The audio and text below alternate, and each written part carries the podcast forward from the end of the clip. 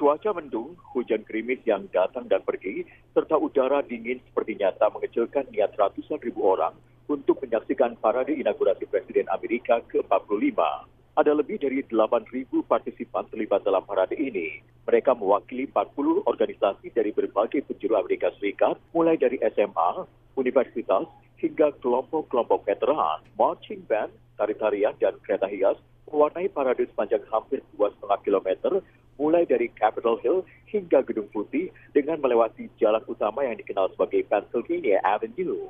Presiden Donald Trump dan istri, Wakil Presiden Mike Pence dan istri sempat berjalan di rute parade dengan diiringi para anggota Kongres dari 50 negara bagian. Sejumlah orang yang menggunakan atribut yang bergambarkan Donald Trump dan retorika-retorikanya seperti Make America Great Again terlihat bersuka cita dan antusias menyaksikan parade.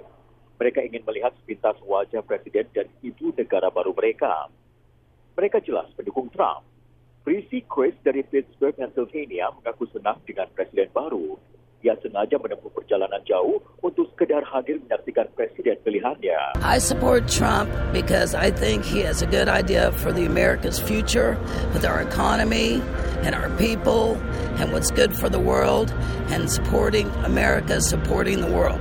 Itu pun halnya dengan Debbie Lakery dari Hagerstown, Maryland. Mengatakan rakyat Amerika tidak salah memilih pemimpin baru. The citizens of America need to stand up for the rights of the people that are needy, for the rights of the people that can't stand up, for um, all of the people in America, not just the billionaires that he has put on his cabinet and that um, he espouses. And so, um, in, in the words of Malala, I really feel like if people stay silent, if we don't come out, we don't march, we don't say what we feel about our country, that nothing will change.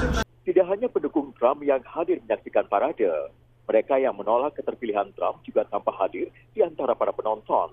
Tak sedikit di antara mereka membawa plakat-plakat yang bertuliskan Show Your Tax, Protect Women's Rights, dan Black Lives Matter.